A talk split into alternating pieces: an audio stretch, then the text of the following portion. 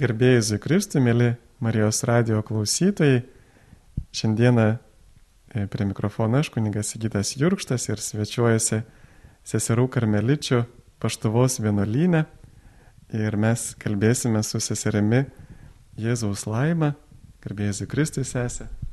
Garbėjai Zikristui. Ir kalbėsime apie tai, kodėl turėčiau melstis, kas ta malda ir kam, kam ta malda reikalinga. Ir kaip Jūs manot, sesė, ar malda nėra žmonių nenorinčių spręsti savo problemas laiko gaišimas, tikintis, kad Dievas jas išspręs? Na, aišku, aš taip nemanau, bet va, yra žmonių, kurie, kurie tikrai dažnai tokį klausimą užduoda. Ar malda nėra laiko gaišimas ir nenoras spręsti savo problemas? E, man aišku, būtų sunku kalbėti apie maldą nesiremiant e, mūsų karmelitų ordino šventųjų mokymų. Ir e, čia aš kaip tik prisimenu šventąją Jėzaus Teresę, kuri sako, kad malda pirmiausia yra draugystė su Dievu. Dažnas buvimas vienumoje su tuo, kuris, kaip žinome, mus myli. Tai manau, kad tas žodis draugystė viską paaiškina. E, tai kalbame apie santyki, o ne vien apie problemų sprendimą. Tai juk ir žmonių draugystėje, tai mums rūpi ne nauda, kurią gauname iš savo draugo, bet pats buvimas su juo, bendravimas, santykis. E, jei ateina minčių apie laiko gaišimą, tai manau, vertėtų savęs paklausti, e, koks yra tas mano santykis su Dievu, kokia yra mano malda, e, ar aš pastebiu Dievą savo gyvenimo kasdienybėje, koks mano tikėjimas. E, tai, tai tokie gilus ir esminiai klausimai, kuriuos, manau, būtina atsakyti. O jei Dievui patikime maldoje savo problemas ir melžiam šviesos, kad padėtų jas išspręsti, tai e, visiškai nereiškia, kad mes e, nusimetame atsakomybę. Tai kaip tik e, malda, manau, priešingai skatina mus pasiryšti ir žengti vienokius ar kitokius konkrečius žingsnius. Čia labai taip gerai palyginat iš karto maldą su draugystė, tai pakreipėte tą, tą pusę, kur E, gal tikrai dažnai mes nesusimastydami iš Dievo taip bendravom su juo kaip su kokia auksinė žuvelė, norim, kad jis išpildytų mūsų norus, arba kad būtų kaip kokia melžiama karvė, kur pamelži ir paskui nueini. Ir, bet vis dėja, bet tas, tas santykis su, drau, su Dievu, ta draugystė su Dievu, nu kartais irgi mes taip egoistiškai norime kažką pajausti maldo, ir, o kartais juk nieko nejaučiam. Ir, ir kaip žinot, kad ta malda veiksminga ir, ir apskritai kokia malda yra nuopelningesnė, nu Dievo akise geresnė, ar, ar tuomet, kai va, jaučiame tokį įkvėpimą, žinot, kartais būna kaip tiesiog malda laisvai liejasi, ar, ar tiesiog tada, kada išgyvename tokią sausrą, galbūt ta tokia sausa malda, kai aš nieko nejaučiu, galbūt jinai yra nevertinga. Na, žmogui turbūt tikrai norisi viską išsiaiškinti, išmatuoti tą veiksmingumą, žinoti rezultatus, o gal net atrasti kažkokį būdą stebuklingai paveikti Dievą. Bet maldoje pagrindinis veikėjas tai esame ne mes, o Dievas, kuris vis dėlto, kiek mes jį be pažintume, e, mums lieka ir liks slėpinys. Tai manau, kad labai svarbu mums tą po truputėlį suprasti ir įsisamoninti, tiesiog ugdyti tą savo pasitikėjimą Dievu ir leisti Dievui vis dėlto būti Dievu. E, maldos pamatas, jos esmė tai yra meilė Dievui ir mes ateiname į susitikimą su tuo, kuris, kaip sakėme, mus myli, kuris mums yra ištikimas ir mes trokštame atsiliepti į tą ištikimybę. Tai maldos vertė glūdi ne e, vienokiame ar kitokiame jausme ar, ar kažkokiose emocijose, bet pačiame mūsų buvime su juo, pačiam, pačiame bendravime ir net kai, tuo, netgi tuo met, kai mes nieko negalim pajausti. Pavyzdžiui, kryžiaus Jonas labai gražiai sako ir labai taikliai, kad pakilus bendravimas su Dievu ir juntamas jo artumas, nėra tikras jo buvimo įrodymas, kaip ir sausra neįrodo jo nebuvimo. E, galim prisiminti ir šventąją kūdikėlio Jėzaus Teresę, kuri patyrė didžiulę tamsą ir naktį ir kuri net kalbėjo, kad jos paguoda yra neturėti jokios paguodos. Tai būt, nes jinai būtent per tą tamsą, toje tamsoje vienijosi su e, savo mokytoju e, Jėzumi. Tai, tai, o maldos vertingumas, pats, pats vertingumas, tai e, jis yra atpažįstamas ne iš tų jausmų, o daugiau iš tų vaisių, kuriuos jis palieka, kuri ta malda, kuriuos malda palieka mūsų O gal galėtumėt e, pasakyti, kas tie vaisiai, va, kokių vaisių galim tikėtis iš maldos? Tai aš vėl pasiremsiu šventąją Jėzus Teresę, kuri sakė, aš norėčiau tik tos maldos, tokios maldos, kuri man padėtų aukti darybėmis. Tai artimo meilė, kantrybė ir panašiai. Ačiū taip, kartais kaip tik sakoma, kad e, apie žmonės, kad, nu, atsako, tas žmogus daug meldžiasi, bet, bet sako, blogesnis už velnę kartais tai būna, bet kartais taip įvyksta, ar ne, kad malda tarsi neduoda to, to artimo, artimo meilės vaisių. Ir, ir čia irgi gal mes ieškosim atsakymą apie maldą, galbūt atrasim, kodėl, kaip, kaip melstis, kad ta malda duotų vaisių. Kaip Jūs manote, ar, ar melstis geriau tada, kada ateina įkvėpimas, toks noras melstis, ar tiesiog reguliariai, pavyzdžiui, netgi gal verta turėti kažkokį maldos grafiką? Kaip jau minėjom, tai e, dėl pačių įvairiausių priežasčių e, galime tiek dėl savo gyvenimo situacijos, tiek dėl e, paties Dievo veikimo, galime to polėkio, to įkvėpimo maldai ir labai ilgai nepajausti. Tai jei tik tai įkvėpimu ir jausmais remsis mūsų malda, tai ji tiesiog išseks. Tai Ir čia kiekvienam santykiai, kaip ir, kaip ir žmogiškame santykėje, tai mums reikia valios pastangų. Pavyzdžiui, šventoji Jėzaus Teresė sako, kad pradėjusiems eiti maldos keliu reikia ryštingo ryštingumo, kad, kas, kad ir kas be atsitiktų, e, kad ir griūtų visas pasaulis, vis tiek reikia nepalikti to, to maldos kelio. Tai, o kalbant apie grafiką, tai Manau, kad tai labai yra individualu. Kiekvienas mes galim pažiūrėti į savo dieną ir e, pasižiūrėti, kaip mes galime padaryti tos daugiau erdvės Dievui.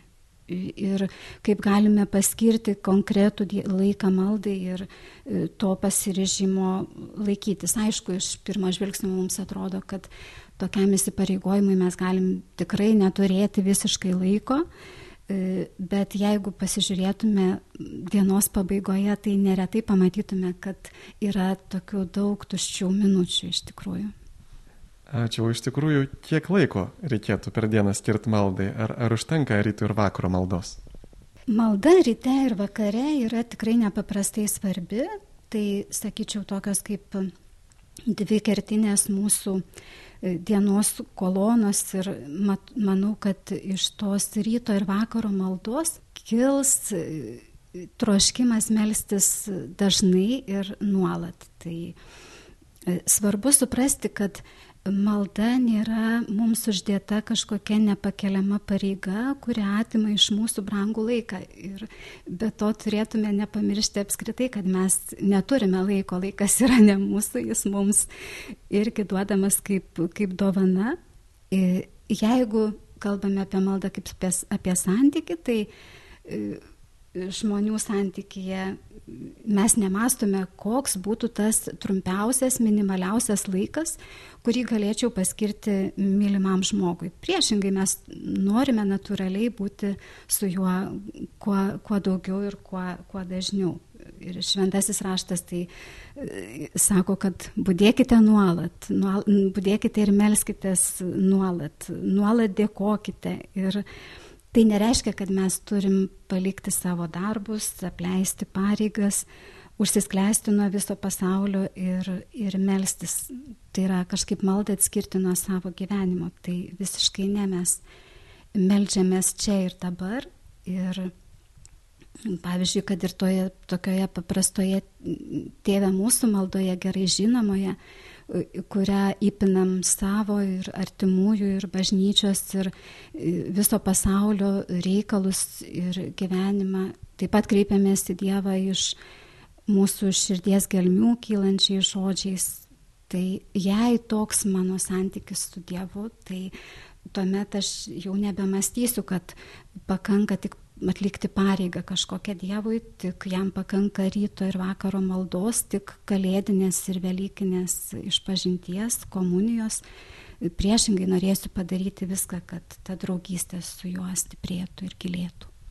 Taip, kartais žiūrime į tą santykių su Dievu kaip į, su prekeiviu, kokiu, kur norisi kuo mažiau sumokėti ir gauti prekę. Tai vis norim kuo mažiau sumokėti Dievui, kad jisai duotų mums, ko prašome.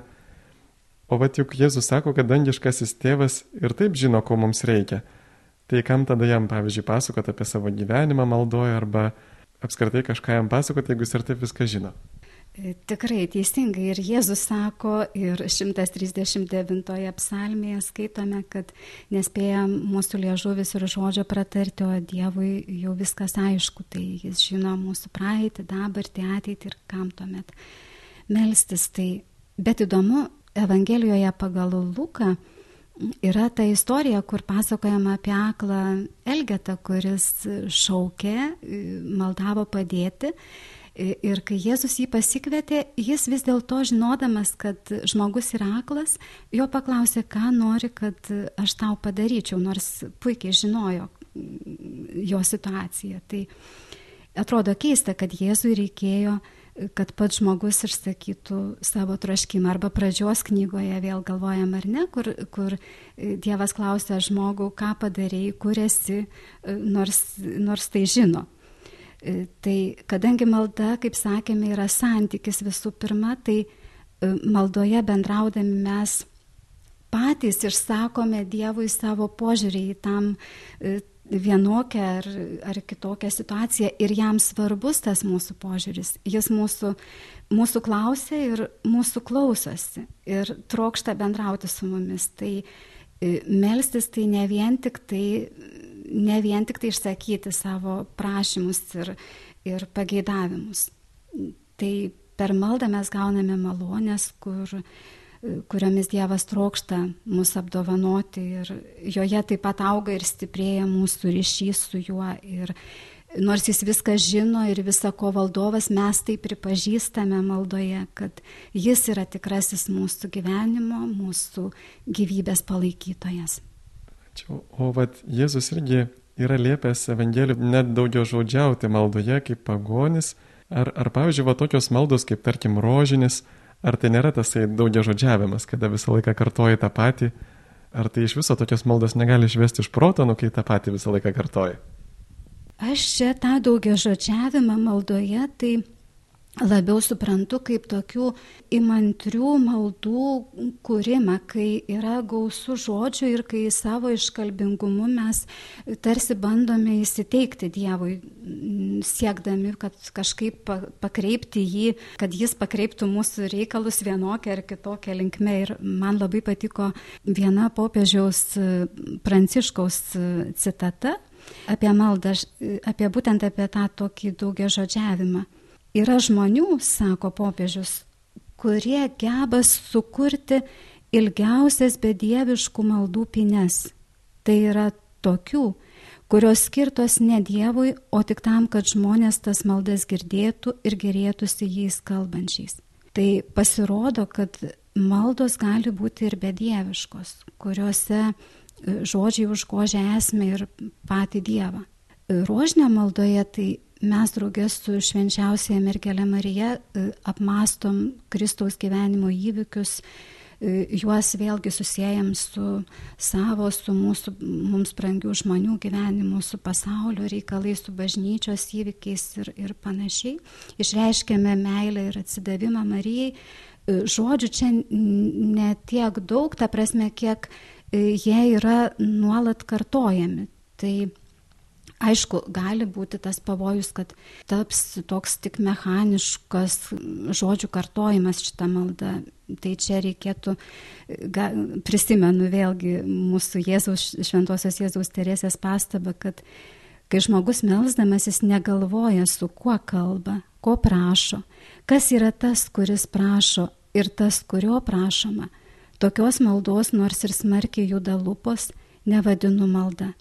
Tai žodinė malda neatsiejama nuo tos minties maldos ir e, nuo atviros, atidžios ir draugystės su Dievu trokštančios širdies, bet rožinis yra tokia malda, kuri mus e, nuramina, tas nuolatinis kartojimas nuramina mūsų protą ir e, veda į vidinę tylą.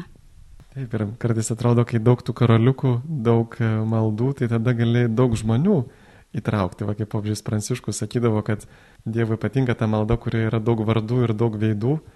Ir iš tikrųjų tada galim, jeigu melstumės tik už save, tai ta malda būtų viens, du ir viskas, bet, bet jeigu galim melsis už kitus, tai kad ir kiekvieną slėpinį ar net kiekvieną maldą už kokį nors žmogų paukoti ar kokią intenciją, tai turbūt tikrai tada atsiranda toks, tarsi mes galim priimti iš Dievo jo turtus ir dalinti kitiems. Vat, nešioti ir dalinti kiekvienai sielai, kaip tos bitės medų nešioti, tik ne, ne savo kitiems.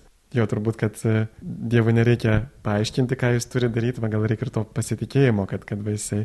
Bet kita vertus, jam turbūt, kaip minėjot, patinka, kai mes jam išsikalbame, o kaip Jėzus dar prisimenu šventai Faustinai kalbėjo, kad man patinka, kad tu viską išsipasakoji ir kad tai tie paprasta malda, tavo žodžiais man mielesnė už mano garbiai kūriamus himnus. O dar Jėzus barė fariziejus, kad jie suryja našlių namus dangstydamės ilgą maldą. Ar tai reiškia, kad mūsų maldos turi būti trumpos? Man atrodo, kad Jėzus čia peikia veikiau ne tokią ilgą maldą, o labiau piktnaudžiavimą savo autoritetu ir e, žmonių pasitikėjimu. Tai turbūt tai reiškia ne tiek, kad mūsų maldos turėtų būti ilgos ar trumpos, Bet kad mūsų širdis turėtų būti tiesi tokia neveidmaininga ir kad nesidangstytume malda, nepridengtume savo kažkokių tai savanaudiškų tikslų. Ir maldos geriausiai gali mus pamokyti pats Jėzus. Pavyzdžiui, žiūrime Evangelijoje pagal Luką 16 skyriuje randame parašyta, kad jis praleido visą naktį melzdamasis. Tai ilga malda. E, o paprašytas, kad išmokytų mokinius melstis, jis moko tėvę mūsų maldos. Tai trumpa malda, bet joje telpa viskas ir šlovinimas ir visa tai, ko, ko mums patiems reikia. Tai Jėzus nuolat melžiasi įvairiausiamis aplinkybėmis, nepaprastai užsijėmęs, kaip, kaip ir mes visi. Tai, bet jo žvilgsnis nuolat nukreiptas į tėvą ir to jis mus moko. Tai man atrodo, kad netiek svarbu ilga ar trumpa bus mūsų malda, kiek mūsų nuoširdumas, meilė, atsidavimas ir pasitikėjimas.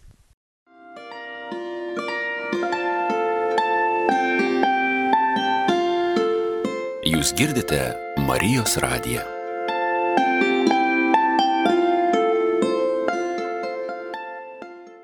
Gerbimi Marijos radio klausytojai, primenu, kad dabar eterija laida Tikėjimo vartai.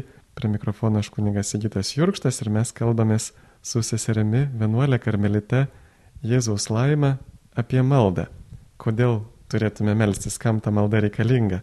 Ir visgi, ar galim sakyti, kad ne visi gal žmonės yra pašaukti daugiau melstis, vienuoliai meldžiasi, pasauliečiai dirba, ar, ar įmanomas šventumas be dažnos maldos? Ar įmanomas šventumas be bendravimo su Dievu, šventumo šaltiniu, tai savaime suprantama, kad ne. Melstis reikia dažnai, kaip ir, kaip ir sakėme, kaip šventoji Teresė moko, kad dažnai būnant e, su tuo, kuris mus myli. Tai, bet vėlgi labiau turėtume kreipti dėmesį ne į maldos dažnumą, ilgumą, būdą, kiek į patį santyki iš kurio ir kyla ir kuriuo remiasi malda. Galiu dažnai labai formaliai kartoti kažkokius vienokius ar kitokius žodžius, norėdamas atlikti pareigą, bet Dievo iš tikrųjų neįsileisti į savo gyvenimą. Ir tuomet, kaip sako Teresė, tai kažin ar tą galima vadinti malda.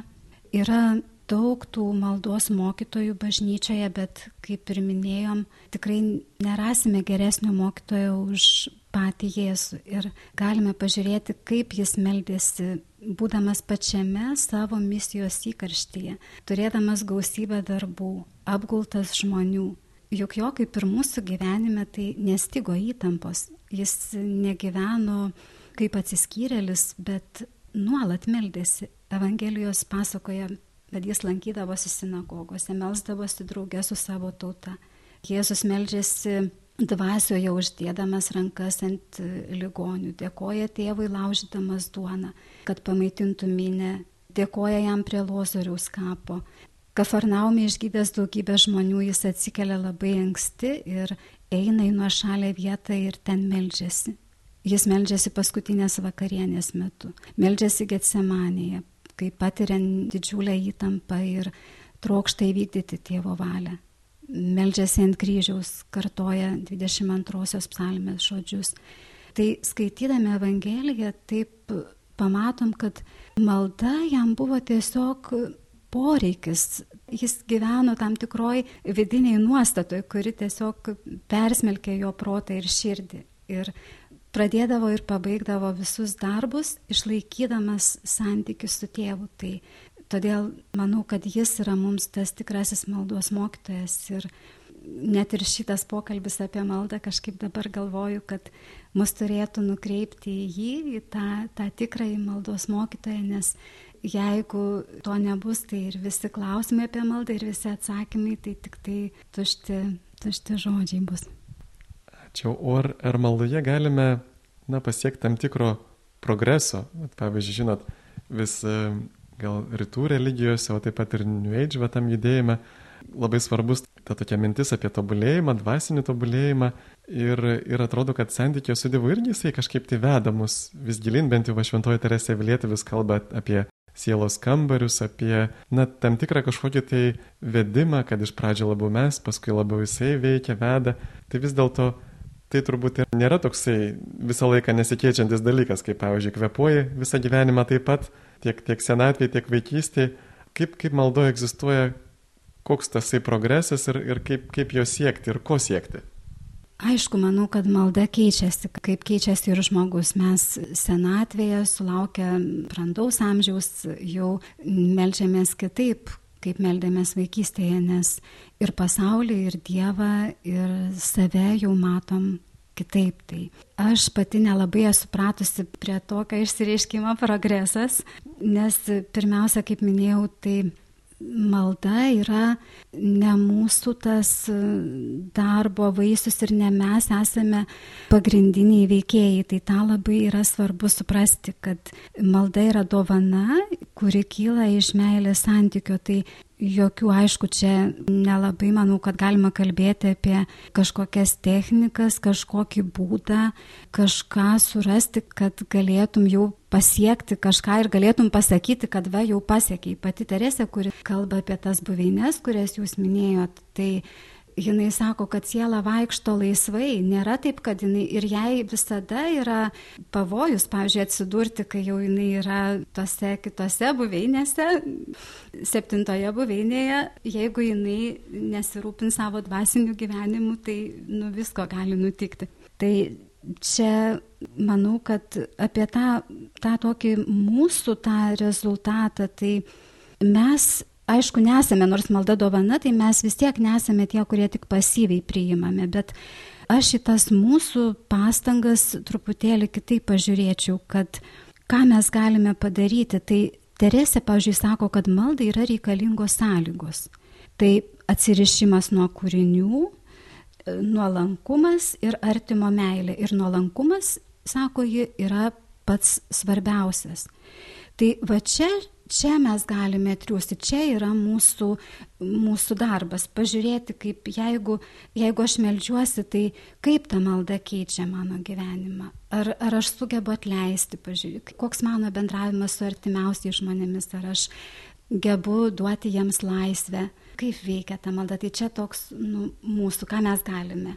Aha, bet čia nais tada iškyla mums irgi didelis pavojus, va dažnai ir, ir sutinku žmonių ir pats turbūt irgi dažnai gal toks būnu, kad atrodo daug meldiesi va, ir čia ir, ir visokių maldų daug sukalbi ir viską ir tada pradedi galvoti, kad esi geresnis už tuos bedievis, kurie nesimeldžia ir va čia, kaip jie čia nais dabar neina į bažnyčią, čia jos reikia ir, ir nuvaryti šiek tiek į tą bažnyčią.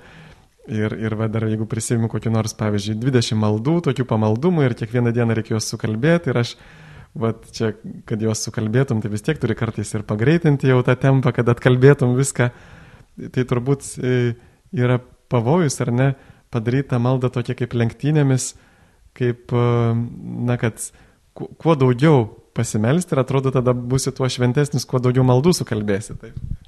Taip, nu čia tas, žinot, vėlgi, kad mes norime kažko labai apčiuopiamo. Mums reikia to, to tokio, kad pajausti, žinoti, žinoti rezultatą, bet maldoje taip, taip nebūna. Taip, nu, mes turim tiesiog pasitikėti Dievu ir dėkoti jam už tai, ką matome, kas mums pavyko, nes tai ne mums pavyko, bet, bet jis mums suteikė tą malonę ir, ir tokių nesudaiktinti labai maldos. Taip, ir turbūt tos e, maldos formos irgi yra tam tikros nuolankumo pratybos, na pavyzdžiui, jūs paminėjote dėkojimą, juk iš tikrųjų dėkodamas aš ir pripažįstu, kad ne mano, o tai Dievo dovana, arba pavyzdžiui, garbindamas pripažįstu, kad ne man garbė, bet Dievui garbė, arba prašydamas irgi pripažįstu, kad aš neturiu visko, kad man aš stokoju, kad man reikia gauti iš Dievo.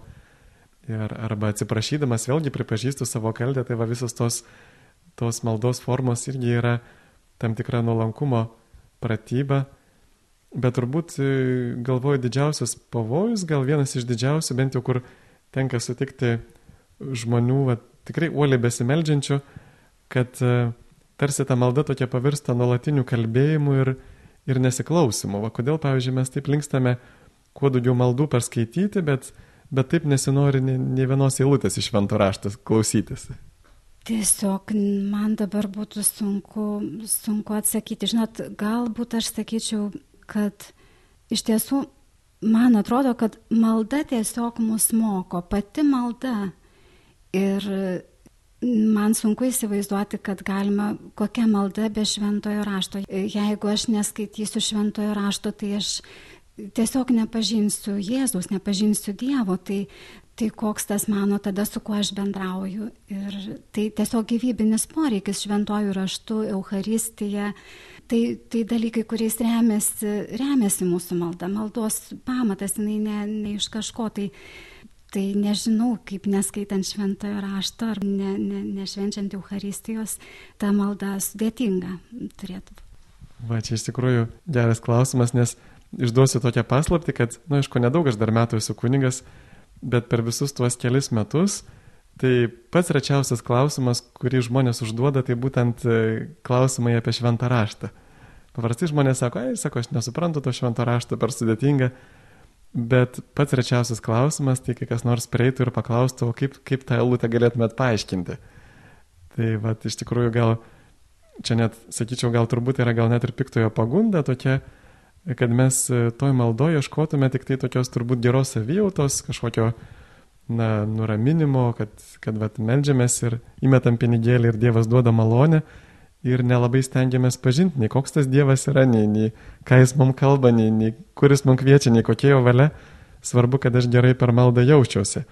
Tai va čia turbūt didžiulė pagunda, kur kartais Dievas ir atima tą malonę, na tą malonę gerai jaustis, kad mes galiausiai pradėtume ne, ne tos savijautos ieškoti, bet va, paties, paties Jėzaus, tos draugystės su juo. O va štai, kaip Jūs manote apie tą maldą į šventuosius? Va gal protestantai yra teisūs, sakydami, kad maldos į šventuosius yra panašios į na, senovės žmonių maldas daugeliu dievų, tikintis, kad kuris nors jų išklausys, juk irgi šventieji tai yra žmonės, kaip jie gali girdėti ir vykdyti mūsų dar prašymus. Žinot, atsakydama į šitą klausimą, tai nesugalvoju nieko geresnio, kaip tik e, paskaityti ištrauką iš katalikų bažnyčios katekizmo. Skaitysiu dabar cituoju. Dangaus gyventojai glaudžiai vienydamiesi su Kristumi tvirčiau stiprina visos bažnyčios šventumą. Jie nesiliauja tėvą už mus meldę, aukodami nuopelnus, kurių įgyjo žemėje padedami vieno Dievo ir žmonių tarpininko Kristaus Jėzaus. Šitaip jų broliškas rūpinimasis daug padeda mums. Kristų mes garbiname, nes jis yra Dievo sūnus. Tuo tarpu kankinius vertai mylime kaip viešpaties mokinius ir sekėjus dėl jų ypatingo atsidavimo savo karaliui ir mokytojui. Tai man atrodo, kad čia truputėlį pat, tas atsakymas sudeda viską į vietas. Tai, kad šventieji kaip tik drąsina ir kviečia mus sekti Kristumi ir siekti šventumo, kad į juos žvelgiame kaip į viešpaties draugus ir, arba, pavyzdžiui, kaip į švenčiausiąją mergelę Mariją, šventąjį Juozapą, kaip į jo šeimos narius ir prašome jų užtarimo, nes jie nesiliauja už mus meldę. Tai garbiname tik Dievą, žinodami, kad tik iš jo kaip e, raštas sako, ateina kiekviena tobula dovana ir, ir, ir kiekvienas davinys. Bet jie pirmiausia ir kreipia mūsų gyvenimą ir mūsų žvilgsnį tą pirmiausia į, į Dievą. Pavyzdžiui, aš dabar galvoju apie Karmelio šventuosius, šventąją Jėzaus Teresę, šventąją kryžiaus Joną, šventąją kudikėlio Jėzaus Teresę ir daugelį kitų, kurių gyvenimas ir raštai te buvo ne kas kita, kaip tik troškimas parodyti žmonėms, kad jų, kreipti juos, juos į Dievą ir vesti juos, juos pas Dievą. Tai man atrodo kažkoks sudėvinimas jų, tai man toks atrodo nesusipratimas. Bet čia aš galvodama apie brolius protestantus ir jų priekaištus, pagalvojau, galbūt tie priekaištai mums galėtų e, mus paskatinti išgryninti taip tą savo pamaldumą šventiesiems. Nes, pavyzdžiui, man kyla klausimų, kai aš girdžiu, kad visas dėmesys sutelkiamas, pavyzdžiui, melžiantis į Antaną paduvieti tik tai, kad jis padeda surasti pamestus daiktus. Nors galbūt mes tuose daiktuose iš tikrųjų jau esame seniai Dievą pametę arba ieškome kažkokių ypatingų maldų, ypatingai svarbiems šventiesiems tokiems, kurie padeda visuose neįmanomose reikaluose. Ir mes laužome galvas, kaip čia mums, kokias čia maldas ir kokie čia tie šventieji, aišku. Gerai, kad kreipiamės su, su problemomis ir, ir, ir prašome užtarimo, bet bet manau, kad kartais gal ir išleidžiame pačią esmę, praleidžiam ir kad, kad jie visų pirma veda mus į Dievą ir moko Dievą pažinti. Taip, tikrai turbūt e, geriau melstis ne šventasis Antanai padėk man atrasti pamestą daiktą, bet pavyzdžiui, šventasis Antanai pasimečiau nuo Dievo, padėk jam mane surasti, pavyzdžiui, taip. O kaip manote, va, daugelis turbūt e, esame mes girdėję apie vairias maldos rušis, ten lūpų malda, vidinė malda, širdies malda, meditacija, mastomoji malda, kontemplatyvioji malda. Gal galėtumėt va šiek tiek paaiškinti, na, kuo jos tos maldos skiriasi, taip, kokios čia yra maldos rūšis? Taip trumpai aš apie tas maldos formas, kurias žinom katalikų bažnyčioje. Tai žodinė arba lūpų malda, tai apie ją jau truputėlį kalbėjom. Tai yra bet kokia žodžiais išreikšta malda. Pavyzdžiui, Tėvė mūsų, sveika Marija, garbė Dievui, viešpaties angelas, psalmės, rožinis, įvairios užrašytos maldos ir taip toliau. Ir kaip sakėme, šitoje maldoje protas ir širdis turi būti sutelkti į tai, ką sakome ir su kuo kalbam. Tokiu būdu žodinė malda tampa vidinė ir vėl pasiremsiu katalikų bažnyčios katekizmu, kuriame sakome, kad malda tampa vidinė tiek, kiek suvokiame tą, kuriam kalbame. Meditacija, kai nuosekliai apmastome viešpaties gyvenimo ir kančios liepinius, kai siekiame įsigilinti į kokią tikėjimo tiesą ir pagal ją gyventi, apmastome šventųjų gyvenimus ar tam tikrą Dievo savybę. Tai meditacijos temos gali būti įvairiausios, bet Jėzaus Teresė įspėja, kad čia mums svarbu ne daug mąstyti, bet daug mylėti.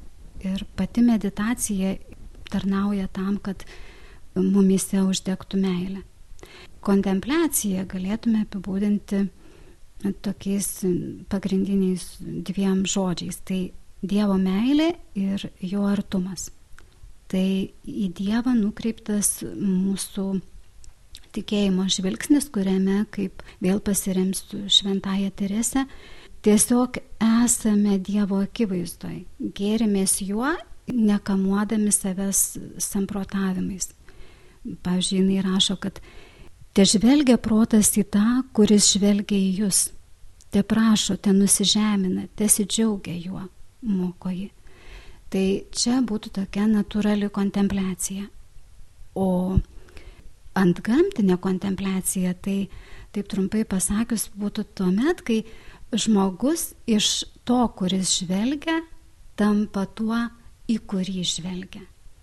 Ir jis įsileidžia tą Dievo žvilgsnį ir leidžia jam save persmelkti ir, ir, ir leidžiasi užlėjamas to Dievo artumo. Ir reikia pasakyti, kad čia šitos maldos mes niekaip negalime pasiekti e, savo pastangomis ir jinai prasideda ir pasibaigia tada, kada to nori šventoji dvasia.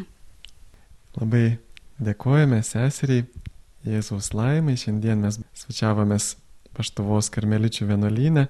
Labai dėkoju, kad sutikote mus priimti ir tikiuosi, kad melsitės ir, ir už mane, ir už klausytojus, kurie dabar klausosi, kad tikrai šitas galbūt trumpas pokalbis, trumpas apmąstymas apie maldą padėtų mums tame pačiame svarbiausiame gyvenimo santykėje, santykėje su Jėzumi Kristumi, su Dievu Tėvu, su Dievu Šventąją Dvasia, kad tas santykis būtų iš tikrųjų na, geras, kad e, jis iš tikrųjų mus vestų link Dievo ir kitų žmonių, kad tikrai duotų tikrai vaisių tų darybių ir artimo meilės, kad e, per maldą, po maldos iš tikrųjų taptume geresni ir tuo savo pavyzdžių gyvenimo galėtume ir kitus patraukti į tą vienybę su Jėzumi.